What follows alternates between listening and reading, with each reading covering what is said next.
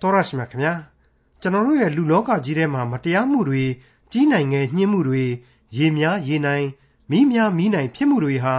အတော်မတတ်နိုင်အောင်ရှိနေလို့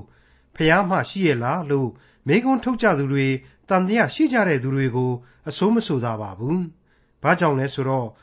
ဖန်ဆင်းရှင်ထာဝရဘုရားရှိပါတယ်လို့အစဉ်တစိုက်ယုံကြည်ကိုးကွယ်လာခဲ့ကြတဲ့သူတွေတောင်မှအဲ့ဒီလိုတန်တရားမျိုးဝင်ခဲ့တယ်ဆိုတာကို ဒီကနေ့တင်ပြရသောတမချန်းအစီအစဉ်မှာလေ့လာမှာဖြစ်တဲ့ခရိယန်တမချန်းဓမ္မဟောင်းကျမ်းပိုင်းတွေက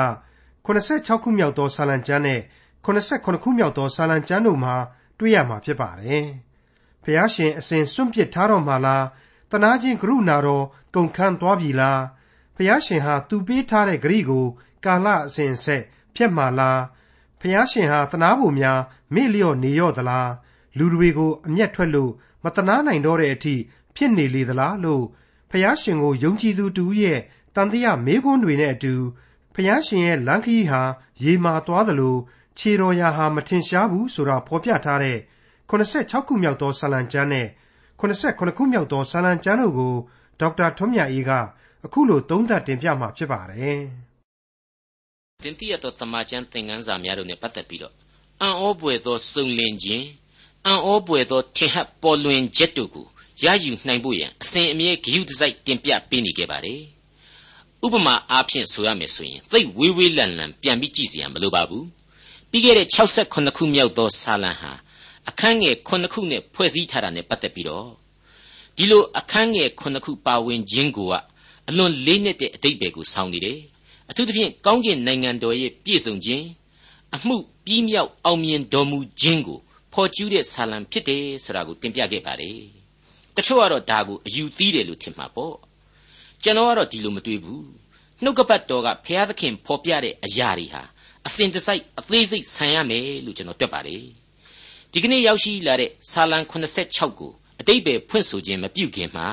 ကျွန်တော်အနေနဲ့အနည်းငယ်ဆက်လက်ပြီးတော့တင်ပြကျင်တာလေးတွေရှိလာပါတယ်အဲ့ဒါကတော့အခုဆာလံတီချင်းရဲ့အစီအစဉ်ချထားမှုများနဲ့ပတ်သက်တဲ့အရေးကြီးသောဆင်ခြင်ရန်အချက်အလက်နောက်တစ်ခုပေါ်ထွန်းလာခြင်းပဲဖြစ်ပါတယ်။ တခြားတော့မဟုတ်ပါဘူး။84ခုမြောက်သောဆာလံမှာကြည့်လိုက်မယ်ဆိုရင်အိုးအဖဖျားသခင်ထတော်မူပါဆိုတဲ့ဆုတောင်းခြင်းတနည်းအားဖြင့်ကယ်တင်တော်မူခြင်းကျေးဇူးတော်ကိုအစဉ်ယုံကြည်ကိုးစားခြင်းအကြောင်းကိုညွှန်ကြားတဲ့ဆာလံအဖြစ်ကျွန်တော်ဖော်ပြခဲ့ပါတယ်။85ခုမြောက်သောဆာလံကြတော့မြောက်မျက်နှာပြင်မှကြွဆင်းလာတော်မူမဲ့သခင်ရဲ့ကယ်တင်တော်မူခြင်းကျေးဇူးတော်ကိုမျှော်လင့်ပြီးတော့လူသားတို့ဟာစောင့်နေကြရမယ်ဆိုတာကိုဦးစားပေးပြီးတော့ဖော်ပြခဲ့ပြန်ပါတယ် အခု86ခုမြောက်သောဆာလံမှာကြတော့မေရှိယကယ်တင်ရှင်သူဘယင်ဆိုတာကိုဖော်ပြပြန်ရတော့မှာပါဒီတော့ဆာလံတခြင်းတွေဟာဘုရားသခင်ရဲ့နှုတ်ကပတ်တော်ဒီတဲမှာမှရိုးရိုးနှုတ်ကပတ်တော်တွေဖြစ်ုံသာမကသေးပဲနဲ့အစီအစဉ်ကြကြနတ်နတ်ကျမ်းဓမ္မများဖြစ်တယ်ဆိုတဲ့အချက်ကိုကျွန်တော်တို့အထူးမှတ်သားဖို့လိုလာပြန်တယ်ဆိုတဲ့အချက်ဒီနေရာမှာကျွန်တော်အနေနဲ့တင်ပြခြင်းပါတယ်။တနည်းအားဖြင့်အဲ့ဒီလိုဆာလံကျမ်းများရဲ့အစီအစဉ်ကြံ့နာမှု အထားအသို့များအကြောင်းကိုကျွန်တော်တို့ကသမန်ကားရှံကသဘောမထားနိုင်ပါဘူး။အလေးအနက်သတိပြုကြရပါမယ်။ဒါမှလည်းရယူရမယ့်ဝိညာဉ်ရေးအနှစ်သာရတို့ကိုပုံမိုခန်းစားနိုင်ကြလိမ့်မယ်ဆိုတဲ့အချက်ပဲဖြစ်ပါတယ်။အခု86ခုမြောက်သောဆာလံကိုစတင်နားဆင်ကြည့်ကြပါစို့။အငယ်1မှ6ယူဒပြည်မှဘုရားသခင်ကိုသိကြ၏ဣသရေလတိုင်းမှနာမတော်သည်ကြီးမြတ်လေ၏ယေရုရှလင်မြို့မှတဲတော်ရှိ၏ ဇီးအုံတောင်မှကျင်းဝတ်လျက်နေတော်မူ၏ထိုအရတ်တို့၌လေးမြတိုင်းလွှားဓာလက်နှင့်စစ်အင်္ကာတို့ကိုချိုးဖျက်တော်မူပြီးသင်သည်သားရဲနေသောတောင်တို့တဲ့ဘုံသာ၍ကြီးမြတ်ပေ၏ရဲရင်သောသူတို့သည်လူယူခြင်းကိုခံရ၍အိပ်ပျော်ကြပြီအားကြီးသောသူတစုံတယောက်မျှမိမိလက်ကိုမတွေ့ရယာကုပ်အမျိုး၏ဘုရားသခင်ကိုတော်ဆုံးမတော်မူသောအဖြစ်ယထာစီသောသူနှင့်မြင်းစီသောသူတို့သည် ကြီးစွာသောအိတ်ချင်းဖြင့်အိပ်ပျော်ကြပါ၏ယူဒပြည်ဣသရေလတိုင်းယေရုရှလင်မြို့တော်ဇီးအုံတောင်နဲ့ပထဝီအနေအထား၄ခုကိုအပြိုင်အဆိုင်ဖော်ပြလိုက်ပါတယ်မိษွေတို့အနေနဲ့ကဒီလိုဖော်ပြချက်တွေကိုစဉ်းစားပြီးတဲ့နောက်ဒါတွေဟာတို့တွေကဣသရေလမဟုတ်ဘူးဒါကြောင့်မို့လို့တို့တွေနဲ့မဆိုင်ဘူးငါတို့တရုတ်ကလားမြန်မာဂျပန်အမေရိကန်တွေနဲ့မဆိုင်ဘူးလို့ရောင်လို့တောင်မှမတွေးရပါဘူးလူမျိုးတော်အပေါ်မှာအခြေခံထားတဲ့ဆာလံကျမ်းမှန်နေ ဒါကိုလူမျိုးများအားလုံးတို့က application လို့ခေါ်တဲ့ကို့အခြေအနေကို့ပတ်ဝန်းကျင်နဲ့ညှိပြီးတော့အဖြေကိုထုတ်ယူကြရမှာလေဖြစ်ပါလေပြီးခဲ့တဲ့သင်ခန်းစာမှာကလေးက interpretation လို့ခေါ်တဲ့တခုမလွဲပြန်ဆိုခြင်းနဲ့အတူ application ခေါ်အလျှော့အတင်းပြုလုပ်ကိုးကားနိုင်ခွင့်ရှိတယ်ဆိုတာကိုကြားသိခဲ့ကြပြီးပြီမဟုတ်ဘူးလားကျွန်တော်ဒါကိုရှင်းပြခဲ့ပြီးပါပြီနှုတ်ကပတ်တော်ဆိုတာဟာလူသားအလုံးတို့နဲ့ဆိုင်တယ်ဒါပေမဲ့လူသားတွေမပိုင်ဘူး ပိုင်ဆိုင်တော်မူတာဟာဘုရားသခင်ကိုတော်တိုင်သာဖြစ်တော်မူကြောင်းကိုလည်းကျွန်တော်ပြောခဲ့ပြီးပါပြီဒါကြောင့်မလို့လေအလွန်နဲ့နေတဲ့ဝိညာဉ်ရေးသဘောတရားတွေကိုဆုတောင်းခွန်အားယူပြီးတော့မှဖတ်ရှုကြရမယ်မိညံကိုးကားခြင်းပြုကြပါလိမ့်မယ်တနည်းအားဖြင့်လဲလူဘဝအသက်တာအသီးသီးမှာမတူညီသောခွန်အားများကိုမတူညီသောလူသားများအတွက်ပေးနေလိမ့်မယ်ဆိုတာကတော့ဧကန်အမှန်ပါပဲဓာလှန်လက်နဲ့လေးမြားတို့ကိုဘုရားသခင်ကချိုးဖဲ့ပစ်ခြင်းဆိုပြီးတော့ဆာလံကဖော်ပြခဲ့တာဟာ ဟေရှာယနဂတိကျမ်းအခန်းကြီး2အငယ်၄နဲ့ကိုက်ညီနေတယ်လို့ကျွန်တော်ခံယူပါတယ်အဲ့ဒီမှာဖော်ပြထားတာကတော့ထာဝရဘုရားသည်လူမျိုးတို့တွင်တရားစီရင်၍များပြားသောလူတို့ကိုဆုံးမတော်မူသဖြင့်သူတို့၏ဓာလက်နှင့်များကိုထွန်သွားဖြစ်စေခြင်းဟာ၎င်းလှံများကိုဒဇင်ဖြစ်စေခြင်းဟာ၎င်းထုလုပ်ကြလိမ့်မည်တပြီကိုတပြီစစ်မတိုက်စစ်အတက်ကိုလည်းနောက်တဖန်မသိရကြအဲ့ဒီလိုဖော်ပြထားခြင်းဖြစ်ပါလေဒီအကြောင်းကိုသိချစဉ်းစားလိုက်တော့ ခုမျက်မှောက်ခေကျွန်တော်ရဲ့ချီမကင်မိလက်မကင်မိဖြစ်နေတဲ့ကုလသမဂ္ဂကြီးရဲ့အခုလိုဘယ်ဘက်ကမှစံချိန်မမီဖြစ်နေလို့ဝရုံသုံးငါကြွက်စီကြွက်စီဖြစ်နေရတဲ့ကဘာကြီးရဲ့နဲ့တခြားစီပဲဖြစ်နေတယ်ဆိုတာလွယ်လွယ်ကလေးအဖြေပေါ်လာပါတယ်ခရစ်တော်ကိုယ်တော်တိုင်အုပ်ချုပ်စိုးစံခြင်းဘယင်အဖြစ်လောကကြီးကိုနိုင်ငံတော်တည်ထောင်ပြီးတော့စိုးမိုးခြင်းကိုသာရည်စူးလိုက်သောဆာလံဖြစ်နေတယ်ဆိုတာဟာရှင်းနေပါလေတောင်တော်ဆိုတဲ့ဇီးုံတောင်ဟာလေတကယ်တော့ mountains of prey လို့ခေါ်ဆိုရလောက်အောင်သားကောင်တို့ကိုချနှင်းခံရဒေသဖြစ်တယ်လို့ဆိုလိုက်ပါတယ်ဒီအပိုင်းမှာဆာလံကဒီအတိုင်းပဲဆွဆွဲလိုက်တာကိုကျွန်တော်တို့မငင်းနိုင်ပါဘူးကမ္ဘာသမိုင်းမှာဒီဇီးုံတောင်နဲ့ယေရုရှလင်ဗိမ္မာန်တော်ကိုအကြောင်းပြုပြီးတော့ဖြစ်လိုက်ရတဲ့ကဘာစစ်ကြီးတွေဆိုတာအကျိန်မောင်းမနေနိုင်ပါဘူးခရစ်တော်ရဲ့အသေးခံရမြေကိုလူယူဖို့ဆိုပြီးတော့ crusade ဆိုတဲ့စစ်ပွဲကြီးဟာလေဘလောက်ကြာလဲသိလားနှစ်ပေါင်းတစ်ထောင်နီးနီးကြာခဲ့တယ်ဘ လောက်ကြောက်ဖို့ကောင်းလဲသမိုင်းမှတ်တမ်းများအရဆိုရင်အ ਨੇ ဆုံးကမ္ဘာသမိုင်းမှာ28ကြိမ်တိုင်အောင်ဒီယေရုရှလင်မြို့ဒီဇီးအောင်တောင်ကိုအကြောင်းပြုပြီးတော့တိုက်ပွဲကြီးတွေဖြစ်ခဲ့ရတယ်သွေးချောင်းစီးမှုကြီးတွေဖြစ်ခဲ့ရတယ်ဆိုတာဟာသမိုင်းထင်ရှားပါပဲလက်ရှိကျွန်တော်ရဲ့ခေတ်ကာလကိုပြန်ပြီးတော့စဉ်းစားလိုက်မယ်ဆိုရင်ဒီခေတ်ဟာပြောမဆုံးပေါင်တောသုံးတောင်ဆိုသလိုလေသူစားစရန်ဆိုတဲ့အခြေအနေပဲလို့ဆိုရင်ဘယ်သူမှငင်းနိုင်မှာမထင်ပါဘူးပြီးခဲ့တဲ့သင်ခန်းစာအဆက်ဆက်မှာကလေးက ဖျားသခင်ရန်သူတွေကကြီးပွားတိုးတက်နေတယ်ဆိုတာကိုတန်ရှင်းသူတို့ဟာမစ္စရိယဝန်တိုစိတ်များဖြစ်ရတဲ့အထိအခြေအနေဖြစ်နေတယ်ဆိုတာဟာလေလောကရဲ့သရုပ်ပြက်မြင်ကွင်းကြီးတစ်ခုပဲလို့ကျွန်တော်ဆိုချင်ပါတယ်အခု86ခုမြောက်သောဆာလံဟာဒါကိုထပ်ပြီးတော့အခုလို့ဆိုလိုက်ပါတယ်ရဲရင်သောသူတို့သည်လူယူခြင်းကိုခံရ၍အိပ်ပျော်ကြပြီအာကြီးသောသူတစုံတစ်ယောက်မျှမိမိလက်ကိုမတွေ့ရတဲ့ရှင်းနေတာပဲမဟုတ်ဘူးလား ဒါဟာဘုရားသခင်ရဲ့ဘက်တော်သားတွေကိုစာတန်ကနေပြီးတော့နိုင်စားနေခြင်းပဲလို့ကျွန်တော်ဆိုချင်ပါတယ်ရှင်ယောဟန်ဩဝါဒစာပထမစာဆောင်အခန်းကြီး9အငယ်16မှာကြည်ပါလောကီသားအပေါင်းတို့သည်မာနဤလက်၌ရှိကြသည်ကိုငါတို့သိကြ၏တဲ့တနည်းအားဖြင့်ကတော့ကျွန်တော်အထက်ထပ်ပြောခဲ့တဲ့အတိုင်းပဲအစဉ်သဖြင့်သခင်နှင့်ယုံကြည်မျှော်လင့်အစဉ်သင်ဆိုသလိုဖြစ်နေဖို့အရေးကြီးလာတယ်ဆိုတာကိုဒီဆာလံတီချင်းရဲ့သင်ခန်းစာများဟာ အသေးစိတ်ကျွန်တော်တို့ကိုညွှန်ကြားလမ်းပြနေပါတယ်ယာကုပ်အမျိုး၏ဘုရားသခင်ကိုတော်ဆုံးမတော်မူသောအဖြစ်ယထာစီသောသူနှင့်မြင်းစီသောသူတို့သည်ကြီးစွာသောအိတ်ချင်းဖြင့်အိပ်ပျော်ကြပါ၏တဲ့အဲ့ဒီအပိုင်းဟာဣသရေလလူမျိုးတော်နဲ့တိုက်ရိုက်သက်ဆိုင်တဲ့ဗျာဒိတ်တော်ဖြစ်ပါတယ်ဒါပေမဲ့ခရစ်တော်ဒုတိယအကြိမ်ကြွလာတော်မူတဲ့အခါမှာဘယ်လူသားမှတုတ်တုတ်တောင်မလှုပ်နိုင်တော့အောင်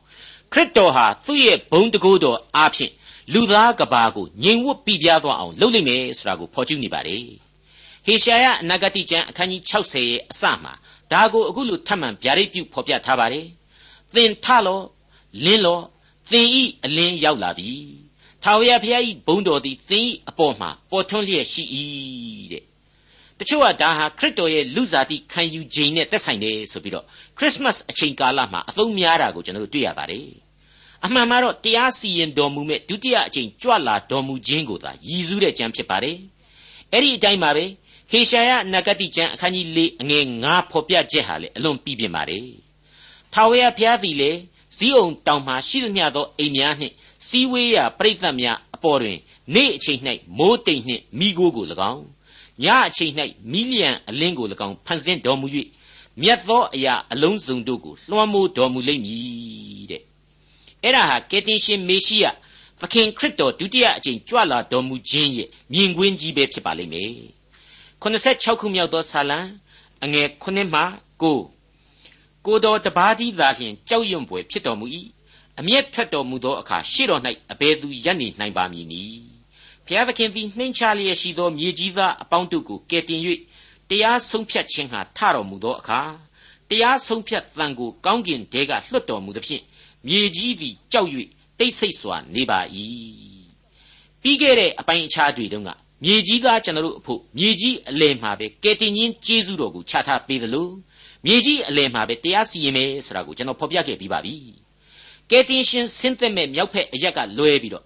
အရှိအနောက်တောင်စတဲ့အရက်သုံးမျက်နှာဘယ်နေရာမှာမှဘယ်အရက်မှာမှကိုဆိုတဲ့လူသားဟာ အားကိုးစရာအကြောင်းရှာလို့တွေ့နိုင်မှာမဟုတ်တဲ့အကြောင်းကိုကျွန်တော်တို့အလေးအနက်ဖော်ပြခဲ့ပြီးဖြစ်ပါတယ်အခုအပိုင်းမှာတော့တရားဆုံးဖြတ်တန်ကိုကောင်းကင်ကလွှင့်တဲ့အချိန်အခါမှာမြေကြီးသည်ကြောက်၍တိတ်ဆိတ်စွာနေမည်လို့ထပ်မံဖော်ပြလိုက်ပါတယ်ကျွန်တော်လူမျိုးရဲ့အယူအဆမှာမိဘကိုစော်ကားတဲ့လူကိုမြေမျိုးတယ်အသေးဆိုးနဲ့သေတယ်အဲ့ဒီလိုကြောက်ခမန်းလိလိအဖြစ်ဆိုးကြီးအကြောင်းကိုဖော်ပြထားပါတယ်ဒါနဲ့ပတ်သက်လို့မြေမျိုးတယ်ဆိုတာကိုကျွန်တော်မမြင်ဘူးပါဘူး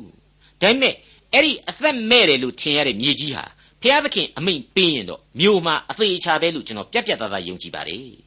ဘာဖြစ်လို့လဲဆိုရင်တော့ဓမ္မသမိုင်းစာမျက်နှာတွေမှာလည်းဒီအဖြစ်ဆိုးမျိုးတွေကိုမှတ်တမ်းတင်ထားခဲ့ဘူးလို့ပါတောလေယာကျမ်းအခန်းကြီး26အငယ်6ကနေ7အတွင်းမှာပြန်ကြည့်ရင်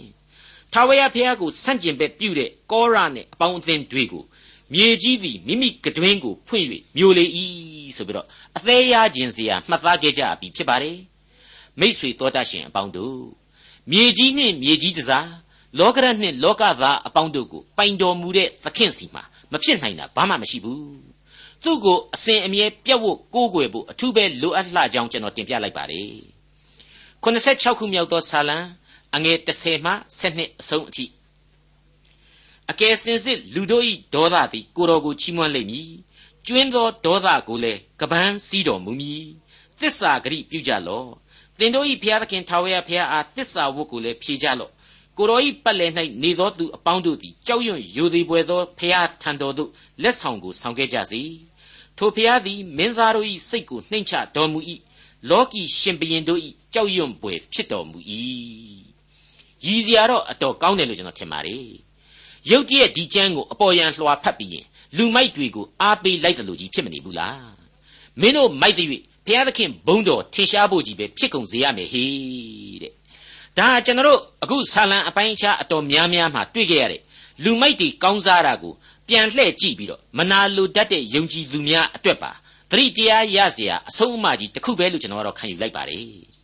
အဲ့ဒီမှာတင်ကက်ကက်တတ်တတ်တွေးတဲ့လူမျိုးတွေကတော့မိုက်တယ်ဆိုတာဟာဘုရားသခင်ဘုန်းတော်ကိုချီးမွမ်းဖို့တဲ့ဟေးဆိုပြီးတော့အပြိုင်ဆိုင်မိုက်ကုန်ကြမှာလေဆိုရပါတယ်အမှန်ကအဲ့ဒီလိုအတိတ်ပဲမျိုးကိုမဆိုချင်ပါဘူး လောကမှာလူမိုက်တွေကမိုက်လို့ဖျားသခင်ဘက်ကဘာဆိုဘာမှပဲ့မသွားနိုင်ပါဘူးမိုက်တဲ့လူအဖို့သာလျှင်အပြစ်ဖြစ်ရလိမ့်မယ်ဆိုတာကိုဆိုလိုခြင်းဖြစ်ပါတယ်ဒါကိုကျွန်တော်တို့ကအရာရာမှာကိုယ့်ရဲ့လက်တဆုပ်စာအုံနှောက်ကလေးနဲ့ကပ်ဖို့ကပ်ဖက်တွေးပြီးတော့သမာတရားကိုဆွဲယူတတ်တဲ့အခါကျတော့အတိတ်ဘယ်ဟာကြပြောင်းကြပြန်ဖြစ်သွားနိုင်ပါတယ်ဒါကြောင့်လဲရှင်ပေါလုကသူ့ရဲ့ဩဝါဒစာအခန်းကြီး3အငယ်9မှ9အတွင်းမှာအခုလိုဆိုခဲ့တာပဲဖြစ်ပါတယ်ယောမဩဝါဒစာအခန်းကြီး3 အငယ်9မှ9ငါတို့၏မတရားသောအမှုသည်ဘုရားသခင်၏ဖြောက်မှတ်ခြင်းတရားတော်ကိုထင်ရှားစေလျင်အဘယ်သို့ဆိုရသနည်းဘုရားသခင်သည်ဒဏ်ပေးတော်မူလျင်မတရားသောအမှုကိုပြုတော်မူသလောထိုသို့ဆိုသောလူသဘောအတိုင်းငါဆိုသည်ထိုသို့မဟုတ်ရာဟုတ်လျင်လောကသားတို့ကိုအဘယ်သို့စစ်ကြောစီရင်တော်မူမည်နည်းထိုမှတပါငါသည်တစ္ဆာပြတ်သောအဖြစ်ဘုရားသခင်၏တစ္ဆာတော်သည်ဂုံအသရေတော်ကိုတိုးပွားစေလျင် ငါကိုအပြစ်ရှိသောသူကဲ့သို့အဘယ်ကြောင့်စီရင်သေးသနည်းဟုမေးပြန်လျင်ကောင်းသောအကျိုးရှိစေခြင်းဟာမကောင်းသောအကျင့်ကိုကျင့်ကြဂုံအံ့ဟုလူအချို့တို့သည်ငါတို့ကိုကဲ့ရဲ့လျက်ငါတို့စကားကိုပြန်ပြောသည့်အတိုင်းဆိုအောင်မည်လောထို့သောဆိုသောသူတို့သည်ကိုအပြစ်ဒဏ်ကိုခံတိုက်ကြ၏ထို့သောဖြစ်လျင်အဘယ်သို့နည်းငါတို့သည်မြတ်သလောဟုမေးပြန်လျင်အရှင်းမမြတ်အကြောင်းမူကားယူဒလူဟေလသလူအပေါင်းတို့သည် အပြစ်ရှိကြောင်းကိုအထက်ကပြခဲ့ပြီကျမ်းစာလာသည်ကဖြောင့်မတ်သောသူမရှိတယောက်မျှမရှိနားလေသောသူမရှိဖျားသခင်ကိုရှာသောသူမရှိလူအပေါင်းတို့သည်လမ်းလွဲကြပြီတညီတညွတ်တီအသုံးမရသောသူဖြစ်ကြပြီကောင်းသောအကျင့်ကိုကျင့်သောသူမရှိတယောက်မျှမရှိကျွန်တော်ရှင်းပြခဲ့တဲ့အတိုင်းပါပဲနော်လူမိုက်ရဲ့အမျက်ဒေါသဟာဘုရားသခင်ကိုချီးမွမ်းတယ်ဆိုတယ်လို့သစ္စာပြက်တာ မတရားတာတွေဟာလေဘုရားသခင်ဂုံတော်ကိုအလိုအလျောက်ထင်ရှားစေနိုင်တယ်ဆိုတာကိုအလွဲမယူရပါဘူးအတိတ်ဘယ်ကတော့မတရားမှုတွေမိုက်မဲမှုတွေကနေလူသားဟာနောင်တနဲ့ယုံကြည်ခြင်းဖြစ်လာရမယ်အဲ့ဒီအခါမှာဒီအပြစ်သားအတွက်ဖြောင့်မတ်ခြင်းအခွင့်ကိုဘုရားသခင်ပေးတယ်ဒီအခါမှာဘုန်းတော်ဟာထင်ရှားစေနိုင်တယ်ဆိုတဲ့အတိတ်ပဲသာဖြစ်ပါတယ်ဒါကြောင့်မို့လို့လေအဲ့ဒီယောမဩဝါဒစာအခန်းကြီး3မှာပဲအငယ်23ကနေ26အတွင်းမှာဖတ်ကြည့်မယ်ဆိုရင်အခုလိုတွေ့နိုင်ပါတယ် အဘယ်ကြောင့်နည်းဟူမူကားလူအပေါင်းတို့သည်ဒုစရိုက်ကိုပြု၍ဘုရားသခင်ရှေ့တော်၌အသရေပြက်ကြပြီယေရှုခရစ်ရွေးနှုတ်တော်မူသောအဖြစ်အဖို့ကိုမပေးဘဲဘုရားသခင်ကျေးဇူးတော်ကြောင့်ဖြောင့်မတ်ရာသို့ရောက်ရကြ၏ဘုရားသခင်သည်သီးခံတော်မူ၍လွန်ခဲ့ပြီးသောဒုစရိုက်အပြစ်များကိုမှတ်တော်မမူရာတွင်ဖြောင့်မတ်ခြင်းတရားတော်ကိုထင်ရှားစေခြင်းဟာ၎င်းယခုကာလ၌ဖြောင့်မတ်ခြင်းတရားတော်ကိုထင်ရှားစေ၍ယေရှုကိုယုံကြည်သောသူတို့၏အပြစ်ကိုလွတ်တော်မူတော်လေ တရားသဖြင့်ပြုတော်မူခြင်းဟာ၎င်းယေရှုခရစ်အသွေးတော်ကိုယုံကြည်ခြင်းအပြင်ထိုခရစ်တော်ကိုအပြစ်ဖြေစရာအကြောင်းဖြစ်စေခြင်းဟာခံထားတော်မူပြီတဲ့အဓိကဆိုလိုရင်းအချက်ဟာရှင်းနေပါလေကယ်တင်ရှင်ရဲ့အသွေးတော်အပြင်လူသားတို့ရဲ့မိုက်မဲမှုလူသားတို့ရဲ့အမျက်ဒေါသဆိုတဲ့အပြစ်တရားတွေဟာဖြေစရာအကြောင်းရှိလာရတယ်ဒါဟာဘုရားသခင်ရဲ့ဘုန်းတော်ကိုထင်ရှားစေတယ်ဆိုတာကိုဖော်ပြလိုက်ခြင်းပါပဲဒါကြောင့်မလို့ 86ခုမြောက်သောဆာလံတီချင်းရဲ့အဆုံးပိုင်းမှာအဓိကအားဖြင့်တိဖျားသခင်၌တစ္ဆာဂရိဝတ်ကိုပြုကြလော့နှစ်ပြုခဲ့သောတစ္ဆာဝတ်ကိုလည်းဖြေကြလော့သုံးဖျားသခင်ထံတော်သို့ဆက်ကပ်အနှံခြင်းလက်ဆောင်ကိုယူဆောင်ကြလော့ဆိုပြီးတော့ဆာလံဆရာကဖော်ပြလိုက်ပါတယ်မိတ်ဆွေအပေါင်းတို့ခမညာအခုလေ့လာရမယ့်89ခုမြောက်သောဆာလံတီချင်းအားဖြင့်ကျွန်တော်တွေ့လာရပါလိမ့်မယ် To the chief musician to Jeduthun a son of Asaph သို့မဟုတ်စာဆိုတော်ကြီးယေဒုသွန်အားရည်စူးသောအာသတ်ဤဆာလံလို့ခေါင်းစဉ်ပေးထားတဲ့ဆာလံဖြစ်ပါတယ်။နားဆင်ကြည့်ကြပါအောင်စို့။89ခုမြောက်သောဆာလံအငယ်1မှ9ငါသည်ဖျားသခင်ထံသို့အသံကိုလွှင့်၍အော်ဟစ်၏။ဖျားသခင်ထံသို့အသံကိုလွှင့်၍ဖျားသခင်သည်ငါစကားကိုနားထောင်တော်မူလိမ့်မည်။ဘေးရောက်သည့်ကာလ၌ငါသည်ထာဝရဘုရားကိုရှာရ၏။ ညအချိန်၌ပင်လက်ကိုဆန့်လျက်နေရ၏ငါဝိညာဉ်သည်တက်တာခြင်းကိုညှင်းပယ်၏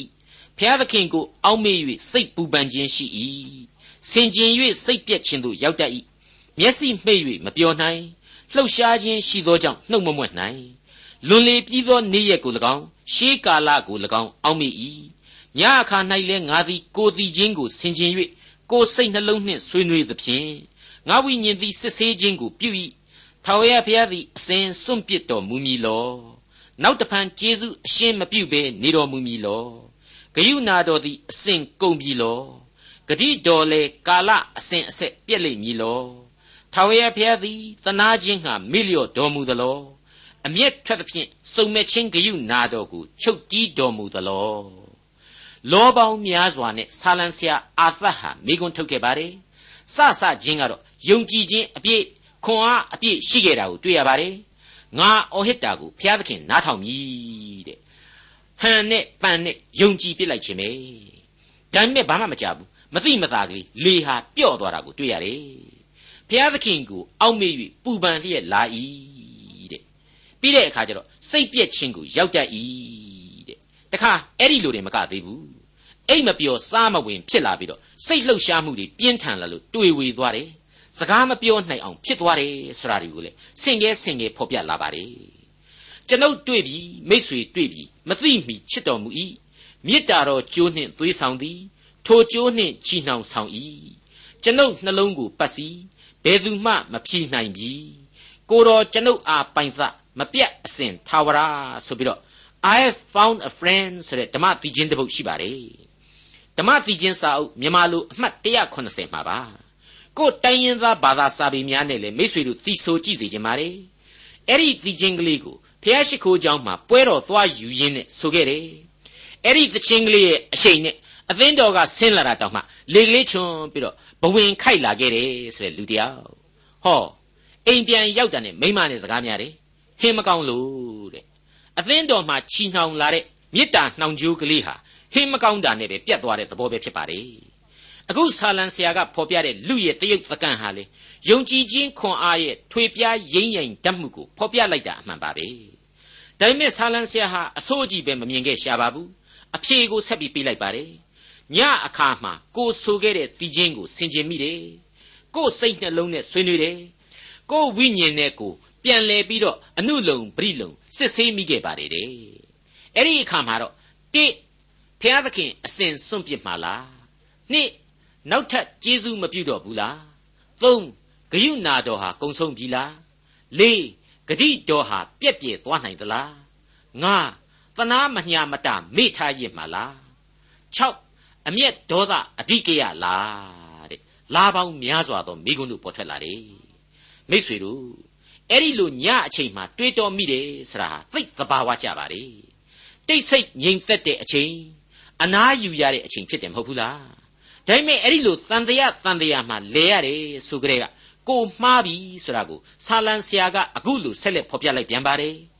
အဲ့ဒီလိုတွေးမိခြင်းအဖြစ်လေရင်ထဲမှာခွန်အားကိုရရှိစေတယ်လို့ကျွန်တော်ဆိုချင်ပါတယ်89ခုမြောက်သောဆာလံ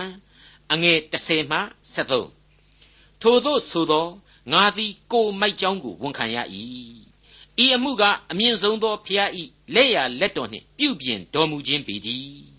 ထာဝရဘုရား၏အမှုတော်တို့ကိုအောက်မေ့ပါမည်ရှေးကာလ၌ကိုတော်ပြုဘူးသောအံ့ဩဘွယ်တို့ကိုအောက်မေ့ပါမည်ပြုတော်မူသမျှတို့ကိုဆင်ခြင်၍စီရင်တော်မူသမျှသောအရာတို့ကိုမွဲ့ဆိုပါမည်အိုဘုရားသခင်ကိုတော်၏လမ်းသည်တန်ရှင်းခြင်းနှင့်ရှင်ပါ၏ဘုရားသခင်ကဲ့သို့အဘယ်မည်သောဘုရားသည်ကြီးမြတ်သနည်းတဲ့ရှင်းတာကတော့မရှိတော့ပါဘူးလူဆိုတဲ့အပြစ်သားသတ္တဝါဟာကိုယ်သာလူမိုက်ဖြစ်တယ်အပြစ်ရှိသူဖြစ်တယ် ဘုရားသခင်ရဲ့ကျေးဇူးကရုဏာတော်ဆိုတာကတော့အစဉ်တန်ရှင်းတယ်မြဲမြံတယ်သူ့ရဲ့ကယ်တင်ခြင်းလမ်းဟာလေအစဉ်တစိုက်ဖြောင့်တန်းလျက်ရှိတယ်ဆိုတာကိုခံယူရမယ်တဲ့အဲ့ဒါဟာညအချိန်အိယာဝင်းစဉ်ကိုကိုကိုစစ်ကြောပြီးတဲ့နောက်ကိုဝိညာဉ်နဲ့ကိုတိုင်ပင်ဆွေးနွေးတဲ့အချိန်မှာထွက်ပေါ်လာရတဲ့အဖြေပဲဖြစ်ပါတယ်ကျွန်တော်ဆာလံတီချင်းအမှတ်စဉ်၄တုန်းကဖော်ပြခဲ့တဲ့အချက်တစ်ခုရှိပါတယ်မမေ့နိုင်သောတိုက်တွန်းချက်ဖြစ်တယ်လို့ယုံကြည်သူတိုင်းအာဂုံဆောင်ထားတဲ့ဆောင်ဖို့ လက်တွေ့ကျင့်သုံးအပ်တဲ့တရားတစ်ခုပါအဲ့ရပေါ်မှာကိုယ်စိတ်နှလုံးနှင့်ဆွေးနွေးစဉ်းစား၍တိတ်ဆိတ်ခြင်းရှိကြလောတဲ့ဘလောက်ကောင်းလဲအဲ့ဒီလိုပါပဲ16ခုမြောက်သောဆာလံမှာတုန်းကတော့အငယ်9အရာငါကိုပြုစုတော်မူသောထာဝရဘုရားကိုကောင်းကြီးပေးမည်ညအချိန်၌ပင်ငါနှလုံးသည်ငါကိုနှိုးဆော်တတ်၏တဲ့အဲ့ဒီလိုတွေးခဲ့ရရုံနဲ့မကသေးပါဘူးကျွန်တော်အင်မတန်ကြိုက်တဲ့30ခုမြောက်သောဆာလံမှာကြတော့အခုလိုတွေ့ရပါတယ် ညဥ်ရ၌ငိုကြွေးခြင်းသည်လာ၍တဲခို၏နတ်နဲ့ရ၌ကသီချင်းဆိုရသောအခွင့်ရှိ၏တဲ့အခက်အခဲတွေဒုက္ခဆင်းရဲခြင်းတွေပူဆွေးသောကတွေတန်တရားတွေဟာဝိုင်းဝိုင်းလဲနေတာမှန်တယ်ဒါပေမဲ့လူအသက်တာမှာကျေးဇူးဒေါသဖြင့်အဓိကဆိုတဲ့အချက်ကိုဆာလံတီချင်းတို့အဖြစ်ကျွန်တော်ပို၍ပို၍နားလည်လာရပါတယ်ဟုတ်ဤမဟုတ်ဤဆိုတာကိုစိတ်ဝိညာဉ်ခွန်အားဖြစ်တင်းရင်ဆန်းစစ်ရပါမယ် ကျေးဇူးတင်သောသဘောနဲ့အဖြေကိုရှာရပါမယ်အပြစ်ရှာတဲ့ရှုထောင့်ကနေမမှန်ကန်တဲ့မာနစိတ်ထားကိုမွေးမြူဖျားသခင်ကိုအန်တုလို့တဲ့စိတ်ဓာတ်မျိုးနဲ့ကတော့ဘယ်သောအခါမှအမှန်တရားဆိုတာကိုတွေ့ရလိမ့်မယ်မဟုတ်ပါဘူး89ခုမြောက်သောဆာလံအငယ်14မှ20ကိုတော်သည်အံ့ပွေသောအမှုတို့ကိုပြုရသောဖျားဖြစ်တော်မူ၏လူမျိုးတို့တွင်တကိုးတော်ကိုပြတော်မူပြီး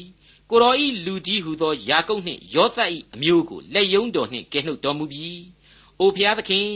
ရေတို့သည်ကိုတော်ကိုမြင်ကြပါ၏ရေတို့သည်ကိုတော်ကိုမြင်၍ကြောက်ရွံ့ကြပါ၏ရေနဲ့နဲရာအရတ်တို့ကိုလည်းလှုပ်ရှားကြပါ၏မိုးတိမ်တို့သည်ရေကိုသွန်းလောင်း၍မိုးကောင်းကျင်တို့လည်းအသံပလံပြုကြပါ၏ကိုတော်ဤမြားတို့သည်အရရက်သို့ရောက်ကြပါ၏ကိုတော်ဤမိုးကြိုးသံသည်လေပွေ၌ပါ၍လျှက်စစ်ပြက်သဖြင့်လောကကိုလင်းစေပါ၏ မြေကြီးသည်လည်းတုန်လှုပ်ပါ၏ကိုတော်သည်သမုတ်တရား၌ကြွတော်မူ၍လန်ခရီးတော်သည်ကျယ်ဝန်းသောရေတွင်ရှိသဖြင့်ခြေတော်ရာတို့သည်မထင်ရှားကြပါမောရှိနှင့်အာယုန်တို့လက်ဖြင့်ကိုရောဤလူများတို့ကိုသိုးစုကဲ့သို့ပို့ဆောင်တော်မူ၏မိษွေတော်တတ်ရှင်အပေါင်းတို့ခမညာကဲတင်တော်မူသောအရှင်ရဲ့ကျေးဇူးဂရုနာတော်တို့အကြောင်းကိုနားလည်ဖို့ရန်စိတ်ဝိညာဉ်ဟာများစွာခွန်အားစိုက်ထုတ်ရလိမ့်မယ်ဆိုတာကို 89ခုမြောက်သောဆာလံတီချင်းအားဖြင့်ကျွန်တော်မြင်တွေ့ရပါတယ်ခန်းစားရပါတယ်တစ်ချိန်တည်းမှာအဲ့ဒီနားလည်ရန်ခက်ခဲလှသောကျေးဇူးတော်တို့ဟာအံ့ဩပွေတည်ရှိနေကြောင်းကိုတော့သမိုင်းသင်ခန်းစာအပေါင်းတို့ဟာမငင်းနိုင်အောင်တက်တည်တည်ခဲ့ပေးပြီးဖြစ်ပါတယ်အခုအပိုင်းမှာဆိုရင်ရေတို့သည်ကိုတော်ကိုကြောက်ရွံ့ကြပါ၏လို့ထပ်ပြီးတွေ့ရပါတယ်အဲ့ဒီတော့ကျွန်တော်ရဲ့လောကဓာတ်ပစ္စည်းသာဖြစ်သောမြေနှင့်ရေတို့ဟာ ဘုရားသခင်ကိုတိကျွမ်းနားလေကြတယ်ဆိုတာကိုကျွန်တော်မြင်ရပြီကျွန်တော်သက်ရှိလူသားများကကောဘယ်လိုလဲလို့ပဲမေးခွန်းထုတ်ရတော့မှာပါဒေါက်တာထွန်းမြတ်ရေးစီစဉ်တင်ဆက်တဲ့တင်ပြတော်တမချန်းအစီအစဉ်ဖြစ်ပါတယ်နောက်တစ်ချိန်အစီအစဉ်မှာခရိယန်တမချန်းဓမ္မဟောင်းကျမ်းပိုင်းမှာပါရှိတဲ့88ခု89ခုနဲ့အခု80မြောက်သောစာလံကျမ်းတွေကိုလေ့လာမှဖြစ်တဲ့အတွက်စောင့်မျှော်နားဆင်နိုင်ပါတယ်။